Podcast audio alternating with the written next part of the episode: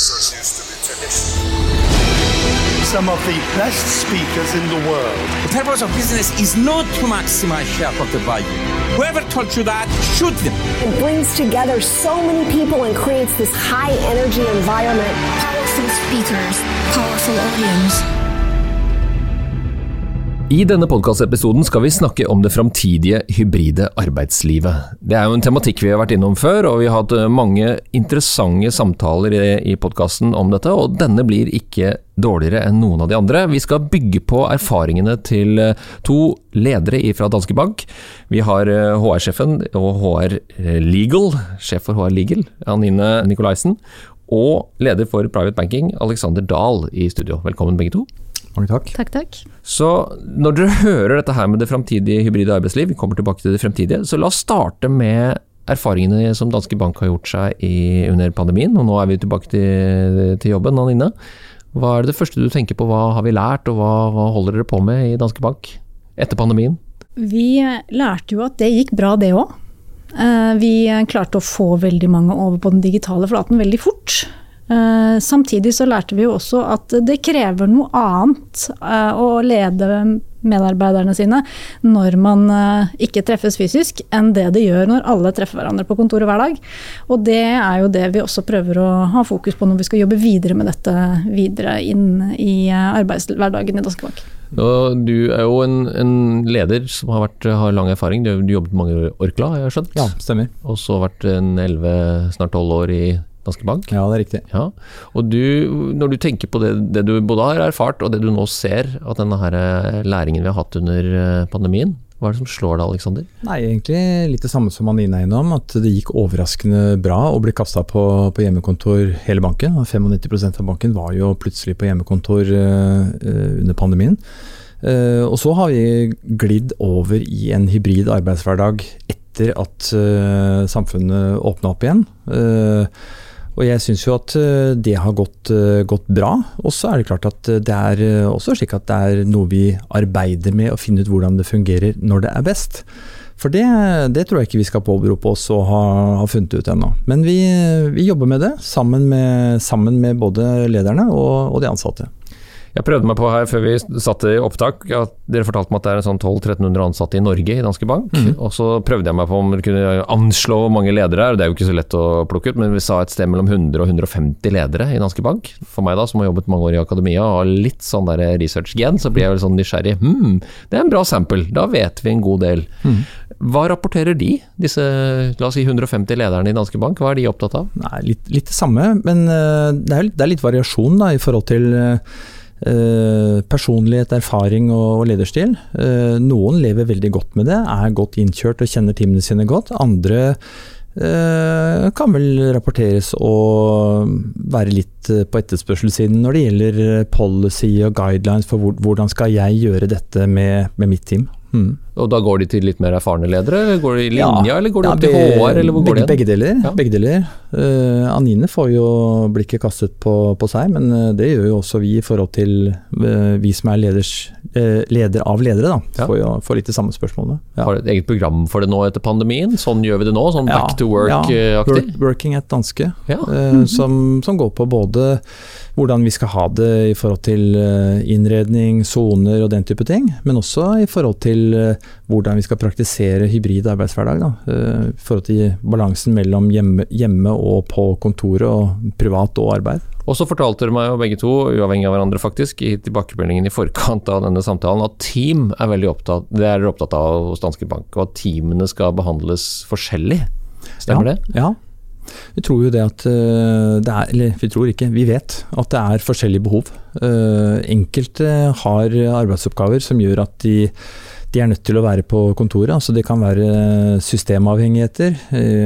Markets er avhengig av å, sitte sammen, de jakter i flokk. Og det kan, andre, det kan være andre områder hvor man er dønn avhengig av å være på, på kontoret fem dager i uken.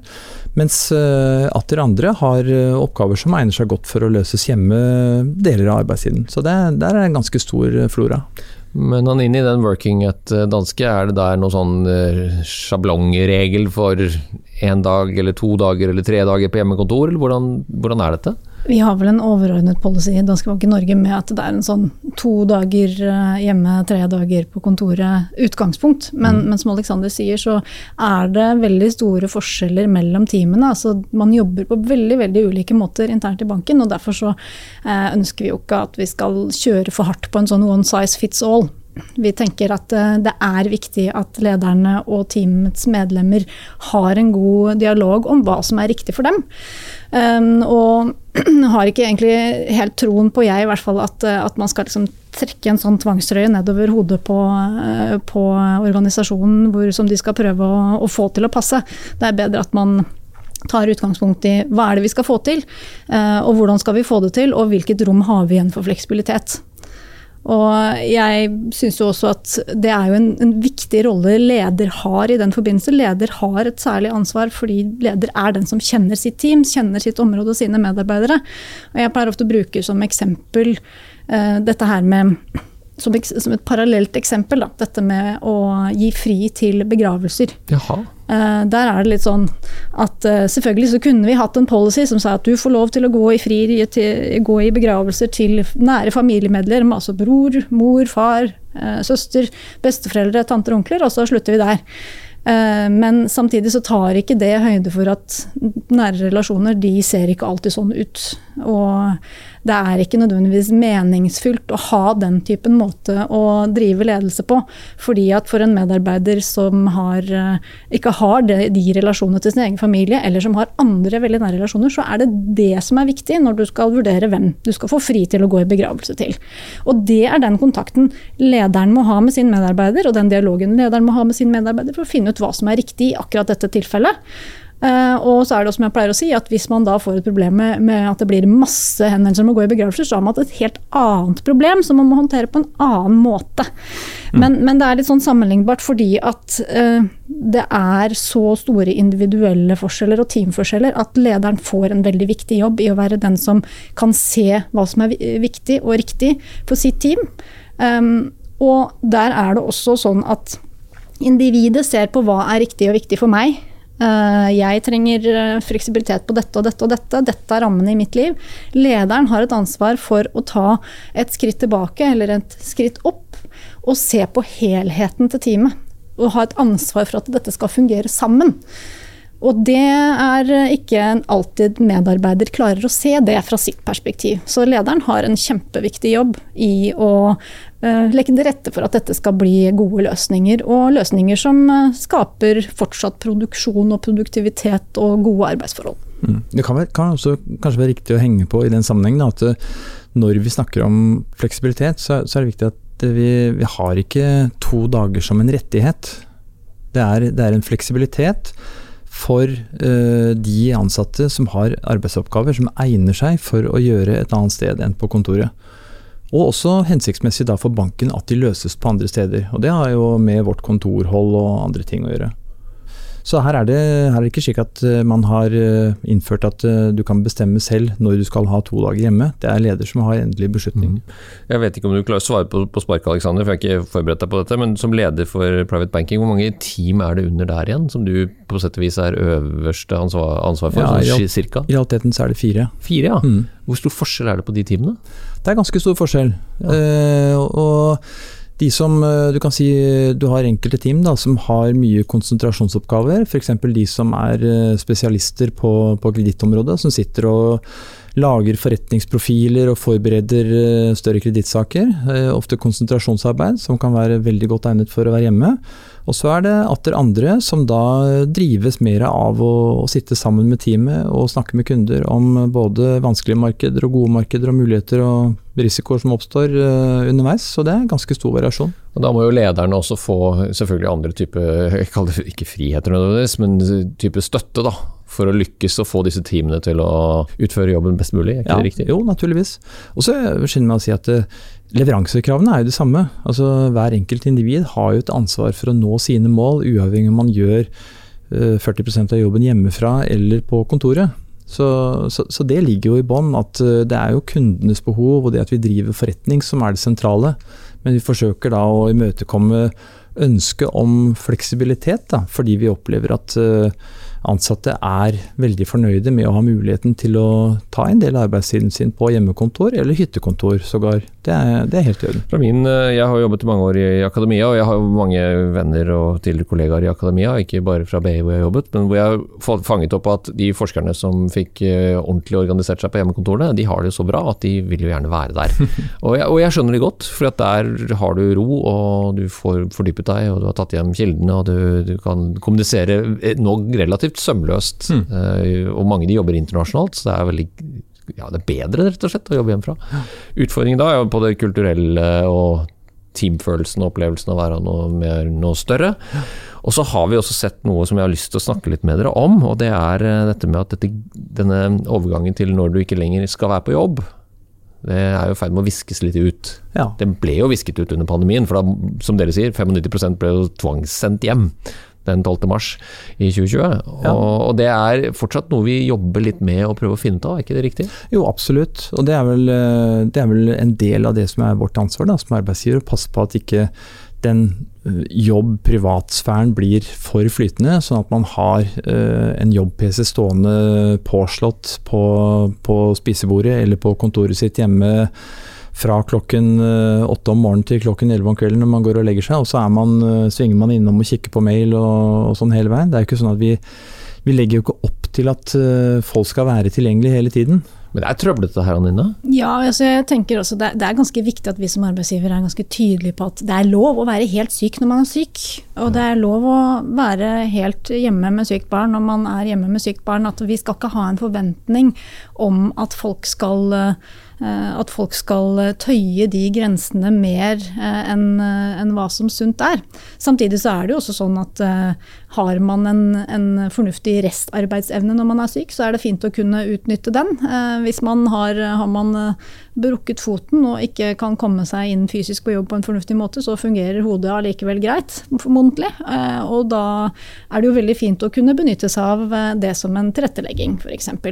Men jeg tror det er viktig at vi, vi også må være tydelige på at, eh, som ledere på at eh, ok, nå er du syk, ta helt, logg helt av og, og plei formen når det er nødvendig. Det er så lett å si, og så er det ekstremt vanskelig å følge opp. For at eh, jeg tror vi har tall på at nå er trafikken på, på skjermconnectivity, på mobil selvfølgelig, 78% av pålogga tid i arbeidsmodus altså, er på håndholdte devices. Og da har du den i lomma, da har du den på nattbordet, du har den, mm. og det er push-varsler, og det plinger, og det er 150 mail du ikke har svart på for at du har vært litt hanglete en dag. Jeg tror ledere, og særlig jo yngre og litt mer uerfarne de er, så er det enda vanskeligere å sette grenser for andre. Mm. Når du selv kommer fort på etterskudd mm. i en sånn hektisk hverdag. Ja. Og Der er vi inne på noe annet igjen. ikke sant? Der, hvordan strukturerer man opp informasjonsflyten? Hvordan klarer man å, som, som Anine sier, da, stoppe de når de bør stoppes? Har du noen tanker om det? For dette er i ferd med å utvikle seg til litt sånn pussige, litt sånn uheldige ja, konsekvenser, tror jeg. da. Ja, det er jo, det er jo øh, faktisk ved å, å, coache på det, da. Mm. Uh, altså hvis, hvis, jeg får mail fra noen av mine ledere eller, eller ansatte ti på halv ett en natt, så, er, så, tenker jeg at det er helt greit for meg å si at uh, Ja, Hva gjør du da, ærlig, ærlig, ærlig talt, Stein. Hva er det du holder på med? Men Tar du den sånn, tar du steinen inntil nei, jeg, deg, eller Tor inntil deg og sier jeg, at hva nei, jeg, du med? Jeg, jeg, sender en mail og sier at uh, takk for svar, men det var virkelig ikke nødvendig å, å, holde på så lenge eller komme tilbake på det tidspunktet. Og ved neste korsvei så, så er jo noe jeg sjekker opp. Fordi uh, jeg har jo ingen som helst forventning til at folk skal sitte og jobbe til over midnatt. Nei, hvorfor tror du han eh, hvorfor gjør medarbeideren din dette? Være, For å imponere deg? Nei, kan det være det? Ja, det kan det, kan, det kan det være. Eh, det kan være at noen eh, tenker at det er om å gjøre å vise at man tar i helt utenom det vanlige. Eh, men på den annen side så kan det også være noen som, som har lagt opp dagen sin sånn at eh, de har brukt eh, tida f.eks. fra klokka to til klokka ti på en skogstur med ungene sine, og tenker at det er helt fint for dem å sitte og jobbe til halv ett. Men da, det må jeg finne ut av. Mm. Men jeg husker jo det tilbake på Det var vel sånn på starten av 2000-tallet. Jeg hadde en del venner som jobba i London, og fikk de, de fikk da Blackberries. Altså sånne små håndholdte telefoner som du kunne sende melding med. med. Og de var mm. Utrolig fornøyd med de i ca. to uker. Til de fant ut at det som var realiteten, at de var på jobb 24-7, også i Viken. Så det her er jo her er jo viktig øh, for oss. Det, er, handler jo om, om hvordan øh, vi praktiserer ledelse og, og oppfordrer til øh, å finne den balansen da, mellom det private og, og arbeidslivet. Må vi høre med HR-avdelingen her? Hva, hva, sier de, hva sier man i sånne, sånne Dette er jo dilemma. Ja, det er det. Eh, og så er det jo noe med at det er, Kanskje prøve å gå foran med et godt eksempel selv òg. Eh, det fins funksjoner i e-posten som gjør at du kan sende e-poster med forsinket levering og sånn. Mm. Nå skal ikke jeg påstå at jeg er verdens flinkeste til dette her selv, men, men eh, jeg tenker man må være litt sånn bevisst eksempelets makt da, som leder. Det, det, er nok viktig. Men det er, det er jo en, en vanskelig balanse med nettopp denne fleksibiliteten, da. For jeg tror ikke vi nødvendigvis selv er helt bevisste på når vi tenker at det blir for mye, at når er det fleksibilitet egentlig blir å være på jobb hele tiden. Eh, og det her er vel kanskje noe av det vi må bruke tiden fremover på å finne mer ut av. Ja, Det er veldig bra. Nå var du veldig god, men veldig generell. For eh, jeg tror jeg har sett en statistikk på det at det er under 2% eller noe som aktivt bruker de der verktøyene i e-postboksen vår, mm. som ikke bare er 'nå er jeg på ferie', mm. men som er akkurat å ta hensyn til at du sender jo faktisk da mail til andre som du ikke aner hvordan opplever det. Og Det kan hende at de har jobba kanskje fem og en halv time den dagen og har litt dårlig samvittighet, og så er klokka ti på kvelden og de får den mailen og tenker bare nei, jeg må bare svare på det. Mm. Og så blir jo den kvelden ødelagt, eller den personen ender opp med at det var den lille dråpe som gjorde at de blir skilt. Eller, mm. det, det, men det, altså, det er så, altså, arbeidslivet inn i privatlivet. Mm. Nå kommer du til å le litt av meg, jeg er opprinnelig historiker. I rundt 1900 så var den internasjonale arbeiderbevegelsens slagord var 888.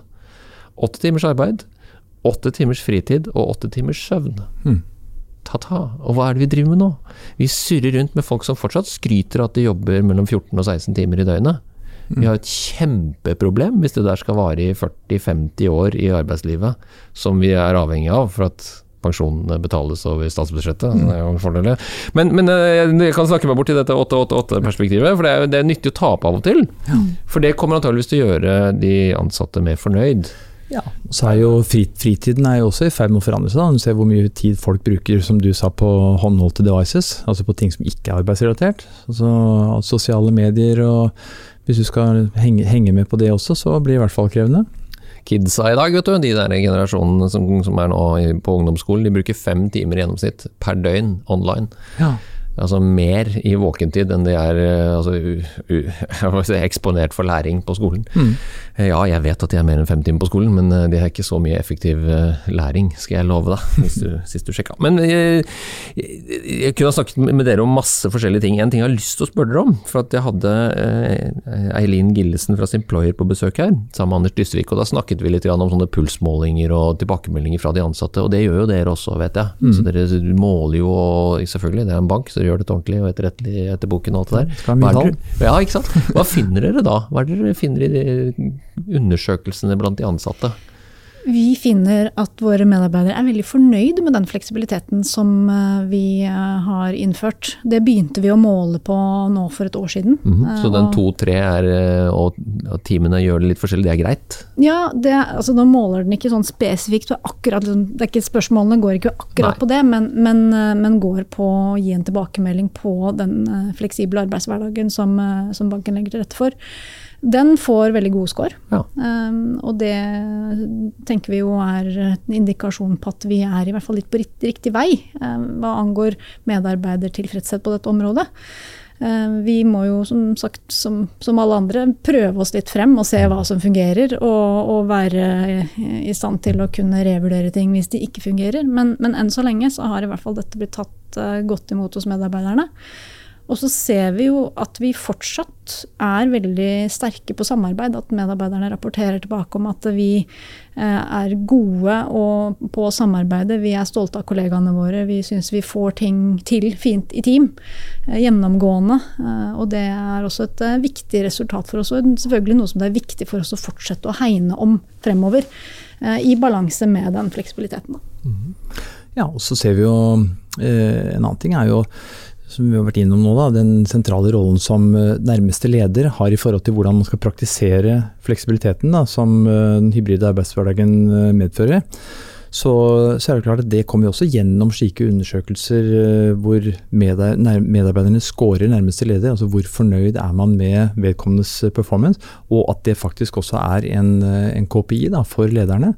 Så, så er jo det noe av det vi kan registrere med viss tilfredshet. Da, at uh, nærmeste leder rates uh, egentlig veldig godt i, i banken.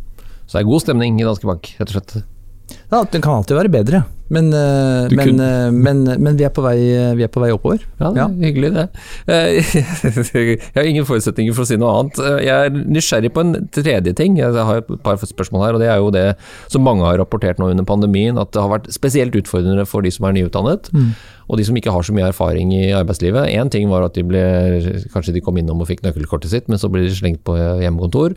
Og så har de hatt strevd selvfølgelig med det der å finne en tilhørighet. Og særlig når det er ny, så er det jo mange sånn, nesten litt sånne ting som det er litt vanskelig å skrive i en, eh, en ansettelseskontrakt. og en, sånn gjør du det hos oss. Du må bare finne ut av det mens du går. Det tar jo noen år. Men så vet jeg også at de er jo litt annerledes, altså de der eh, digitalt native-gjengen. Fra millennials til generasjon Z særlig, de som er sånn purunge. Og de har jo, når vi måler de og sammenligner de med, med, med min generasjon, generasjon Z, så er jo de veldig opptatt av at det skal ha en sånn verdi og mening i det de gjør. Og hvis det ikke gir mening, så gir de fort opp. Det, det, det er mulig det ikke er sånn hos Danske Bank, men det er sånn overalt i, ellers i arbeidslivet. Og det å lede sånne, det er en håndfull. Ja. Noen tanker? Ja, jeg tror, det, jeg tror det er helt rett. Men jeg, jeg tror at det gjelder eh, flere enn den generasjonen. da. Altså, hva, hva er grunnen til å stå opp om morgenen og, og gå på jobb? Det bør jo være noe annet enn at du skal betale huslånet.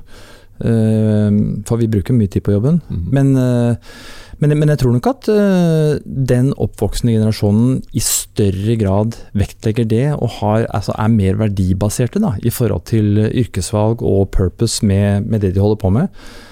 Uh, og for vårt, for vårt vedkommende, så, eller for, for meg da, som er linjeleder, så handler det om å, å gå tilbake til liksom, hva er jobben vår. Uh, og det er jo ingen som blir begeistret av å høre at uh, vi må, vi må jobbe hardt for at vi skal få høyere avkastning på kapitalen til uh, aksjonærene i Danske Bank. Men hvis vi kan snakke om at mer enn 50% av befolkningen rapporterer at de blir litt urolige når de tenker på sin økonomiske fremtid, og at vi har en rolle å spille i det da, i forhold til å sørge for at folk opplever økonomisk trygghet i forhold til å ha tatt diskusjon om forsikring, et ikke for stort boliglån, kanskje noe av det skal være fastrente osv. osv. Da får vi mer, skal jeg si, mer harmoni da, i, i de troppene. Ja, det gir mer mening. Ja, rett og slett. Ja, dette var vakkert. Ja, vakkert. Jeg syns det var veldig fint sagt, jeg. Absolutt. Eh, og, men det er jo som du sier, at eh, vi ser jo også at de kanskje har hyppigere behov for utvikling. Sitter ikke så stille lenge på samme sted som, eh, som generasjonene før. Og er veldig mer fremoverlente. Og det er klart at i en i en situasjon hvor man ble sendt på hjemmekontor, så var nok det utfordrende. Jeg har snakket på telefonen med Johan Andresen for et par uker siden. Han kunne fortelle meg at det han opplever nå, har han ikke opplevd i sitt lange yrkesliv. Det er at nå kommer folk til ferd til han, og så er de så opplest og så klar for det jobbintervjuet at de nærmest ber Johan Andresen fortelle hvorfor vedkommende skal jobbe hos han. oi, oi, oi. Ja, jo, men det er jo ja, det er veldig Men de er jo flinke, og det må vi jo erkjenne. Og vi er jo helt avhengig av å kalle det inkorporere de i, en, i et team, da. Og det store ordet som vi aldri Vi har ikke nevnt det ennå, som jeg opplever at det vi snakker om, er jo kommunikasjon. Altså hvordan snakker vi med hverandre?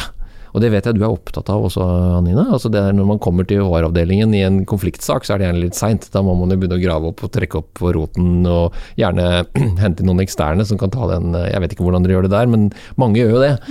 Og da er det jo ofte at det er en eller annen kommunikasjonsgreie som har gått gærent, er ikke det riktig? Ja, absolutt. Det er jo det man har ulike, ulike forutsetninger inn i, en, eh, inn i en samhandling, og noen ganger går det skeis. Vi vil jo gjerne at folk kommer litt før vi har en konfliktsituasjon, da. Ja. Helst at de skal komme så tidlig som mulig. Jo før de kommer, jo lettere er det Før det blir og, betent og Ja. vanskelig, ja. Ikke sant. Så, så kommunikasjon er jo kjempeviktig, men samtidig også kjempevanskelig. Eh, og, og det Fie har gode eksempler på at eh, noen kan sitte og tenke at de kommuniserer på en hensiktsmessig måte, mens du har en haug med mennesker som, som har en samhandling med dem som syns at dette er helt forferdelig. Um, og så må man da finne en god måte å prøve å få dette til å henge sammen på. Og, og noen ganger så må man jo ha en liten sånn realitetsorientering og si at ja, Jeg skjønner at ikke hensikten din er sånn og sånn og sånn, men effekten er allikevel den. Og da må vi prøve å se. Det er kanskje lettere at vi prøver å se litt på måten du formulerer deg på, enn at vi skal prøve å gå inn i på hodene på alle de som oppfatter deg, og endre på måten de oppfatter deg på. Mm. Uh, men, men uh, igjen da, så, så, er det noe med det der at har man brukt tid på å bygge relasjonene? Har man brukt tid som leder på å snakke med medarbeiderne, teamene på å, å, bli kjent med hverandre, så er jo også utgangspunktet for en god kommunikasjon veldig mye bedre. Man misforstår ikke så lett de man kjenner godt og vet at har gode intensjoner som man gjør de man ikke kjenner, og som man lett kanskje kan bli litt sånn mistenksom hvis man hører et eller annet som kan oppleves som en anklage eller klage trussel. eller trussel. Ja. ja. med store endringer, eller, og det vet vi jo det er organisasjoner som er Ja, det er jo endringer hele tiden. Ikke bare på personnivå, men også på boksnivå. Altså at man endrer litt på ting. Og det er jo ofte det som er den største trusselen for folk som er ansatt. Oi, nå blir det endringer her. Mm. Og det vet vi jo fra all mulig slags forskning. Folk liker jo gjerne å endre noe de har kontroll på. Men hvis de blir liksom bedt om å endre, og ikke helt har liksom det bildet som vi snakker om her, da, og mm. meningen og forståelsen, så mm. blir det jo fort krøll. Mm. Og så er det jo noe med, Jeg blir nysgjerrig på den, de medarbeiderundersøkelsen. Fanger de opp hvor det liksom, man kan ane at det er en uh, konflikt? Er det mulig å måle de på sånn datanivå, eller er det først når de flagges om at her er, prater vi forbi hverandre? Nei, jeg vil jo si at uh, sånn fra meg, da, når jeg, når jeg, kan lese disse surveyene for, for mine ledere og, min organisasjon, så er det forholdsvis lett å fange opp uh, at det er knuter på tråden enkelte plasser.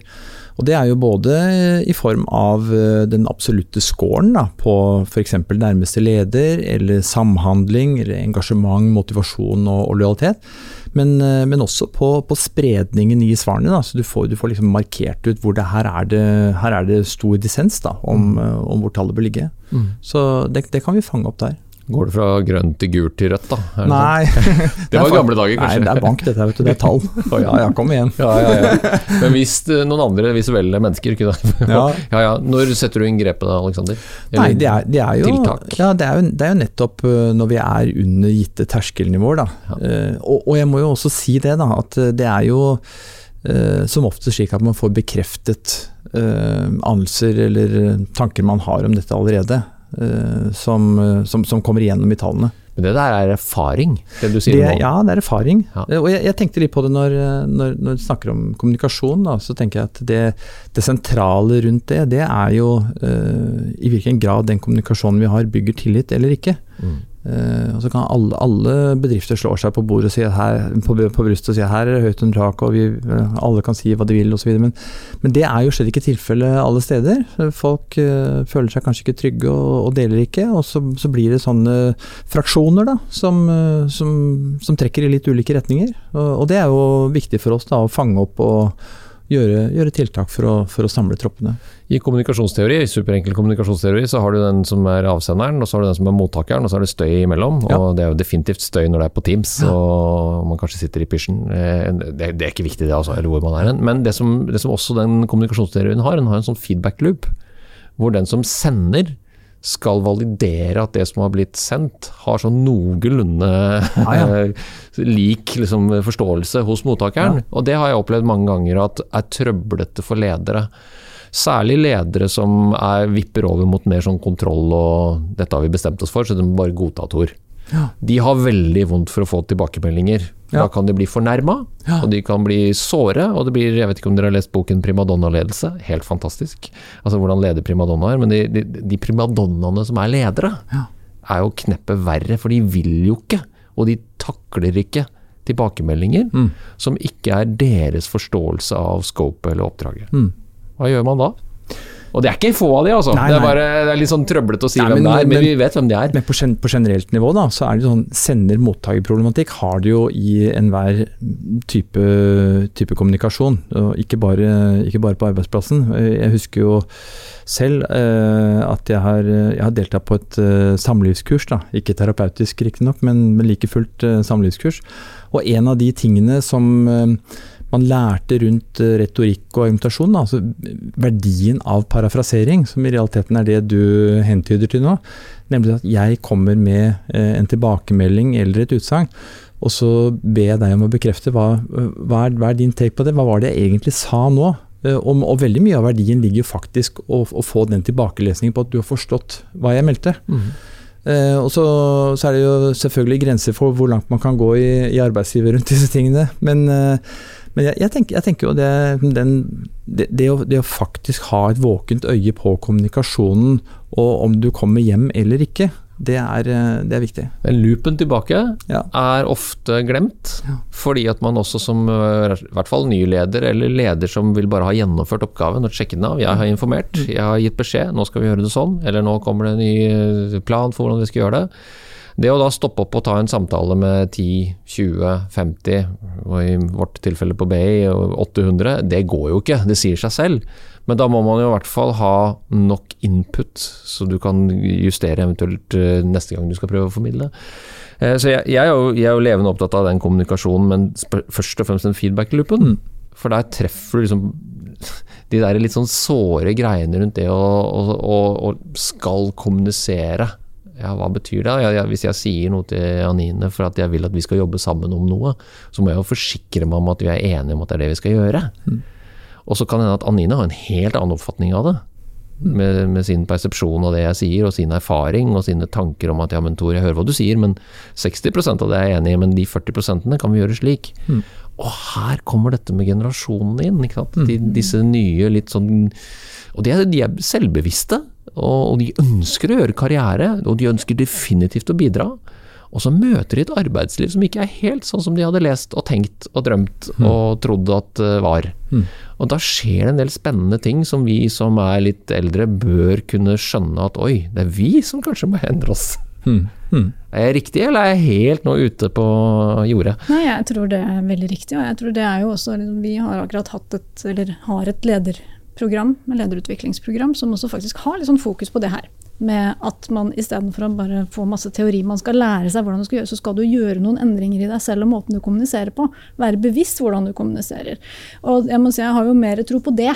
Eh, at man, man skal lære seg noen ferdigheter enn å lære seg en metodikk eller en sånn teori.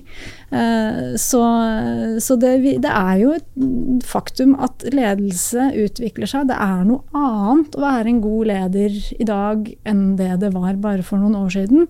Og det å drive ledelse er noe annet enn å drive administrasjon. Eh, Ja, og for, forskjell på en leder og en som skal telle og måle, det kan i prinsippet alle gjøre. Uh, og si at altså, Jeg har også hatt en, sånne uh, interne seminarer, sånn vurderingskompetanse. Altså, hvordan er det du skal vurdere folk? Hvis du ikke bare skal si at målsetningen er ni, du leverer syv. Den er ikke så lett, nei. Gå og lever ni. Ja, det gapet der på to, Ja. Anine, hva er det for noe? Ja. Da må du tolke det for meg. Ja, hva er de to? Og, og øh, skal vi kanskje prøve å være litt interessert i hvorfor det er syv og ikke ni?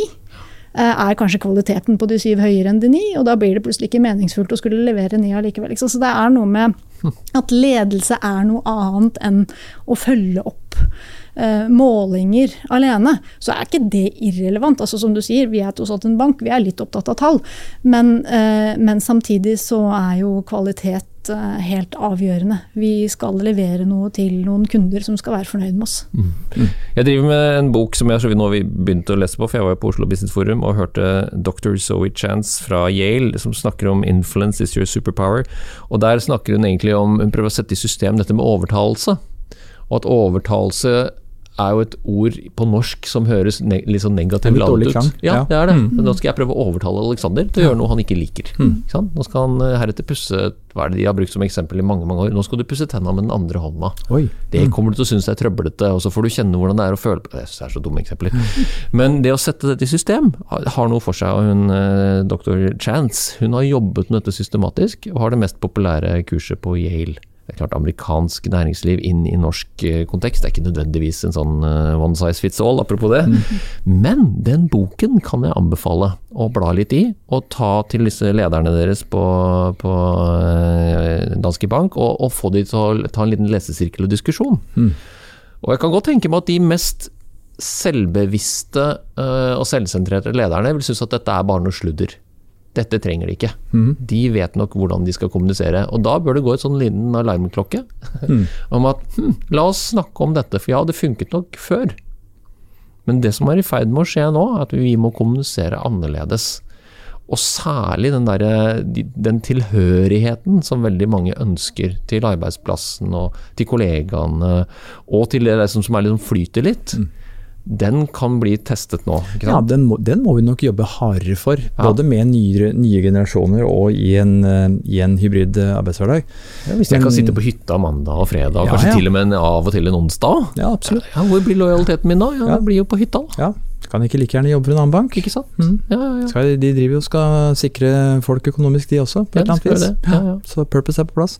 Men, men jeg tror jo det opp, oppi det, da, så er det, det er et veldig godt poeng, nettopp dette at man eh, vi, vår generasjon, da, for, å, for, å bruke det uttrykket, eh, må, må jo nødvendigvis endre oss eh, i takt med at både samfunnet og våre nye medarbeidere og lederkolleger eh, kommer fra andre generasjoner, har andre behov og andre erfaringer. Eh, Så jeg tror, eh, jeg tror det er livsfarlig å anse at man er ferdig endret. Da, da, da er du ikke endret, da er du ferdig.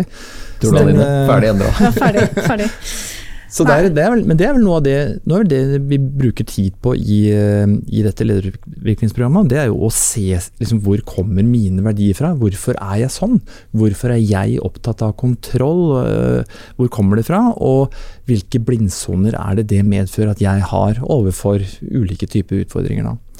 Så det er jo litt å kikke innover og i, i speilet, og, og ikke nødvendigvis da se ut av vinduet hver gang noe ikke stemmer. Ja, Strålende. Og på lista over soft skills, for det tenkte jeg for Anine og jeg har hatt en liten mailutveksling på det, så står det jo masse spennende ting. Men det er ett ord som ikke står, og som jeg bruker mye i min orientering til hvordan jeg tror da, at jeg skal klare å holde meg i hvert fall sånn noenlunde aktuell, og det er nysgjerrighet.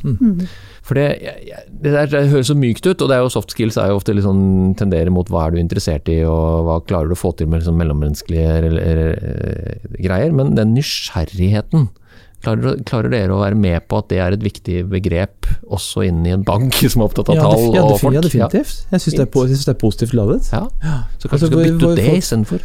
Får, får ikke til noe kreativitet, innovasjon eller å liksom, styrke engasjementet uten å være nysgjerrig på hva som er triggerne for det. Eller du klarer heller ikke å finne ut hvorfor noe ikke fungerer, hvis du ikke er nysgjerrig. Eh, og, og liksom ikke bare går inn og, og erklærer at dette fungerer ikke, gjør det bedre, men, men du må uh, gå inn og finne ut hvorfor er det det ikke fungerer, eller hvorfor er det noe som fungerer. Ja, nettopp. Eh, Ja. og, og hva kan vi gjøre mer av for å få det til å fungere enda bedre.